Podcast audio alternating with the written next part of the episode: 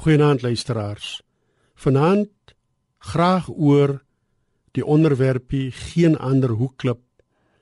Maar kom ek lees allereers vir u voor uit Efesiërs 2 19 tot en met 20.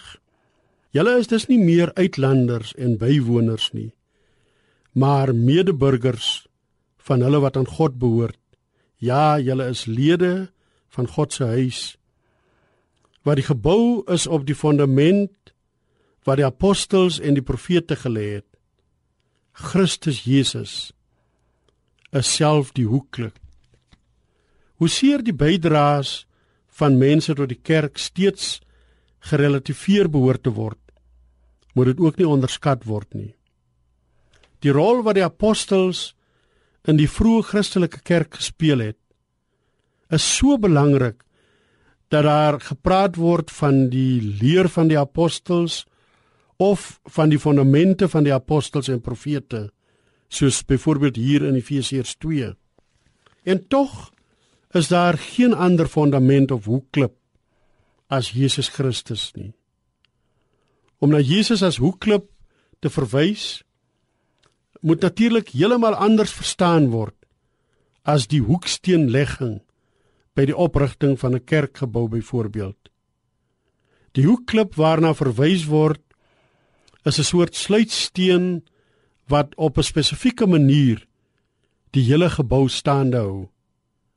Indien die sluitsteen verwyder sou word, is die gevaar groot dat die hele gebou in mekaar tuimel.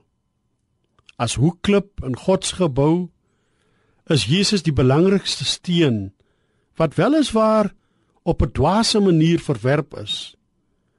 Met die beeld van die hoekklip sien ons weer iets van die omgekeerde orde van God se koninkryk. Wie verwerp word, is aanneemlik vir God. Wie minag word, word verhoog. Wie laaste is, word eerste. As die huis van jou lewe en jou gesinslewe, jou gemeente jou gemeenskap staande gehou word deur die hoekklip sal geen stortby of stormwind geen tsunami dit in duie laat stort nie. Here Jesus ons skaam ons oor u verwerping maar ons dank u ook dat u juis daardeur die hoekklip van ons lewe geword het.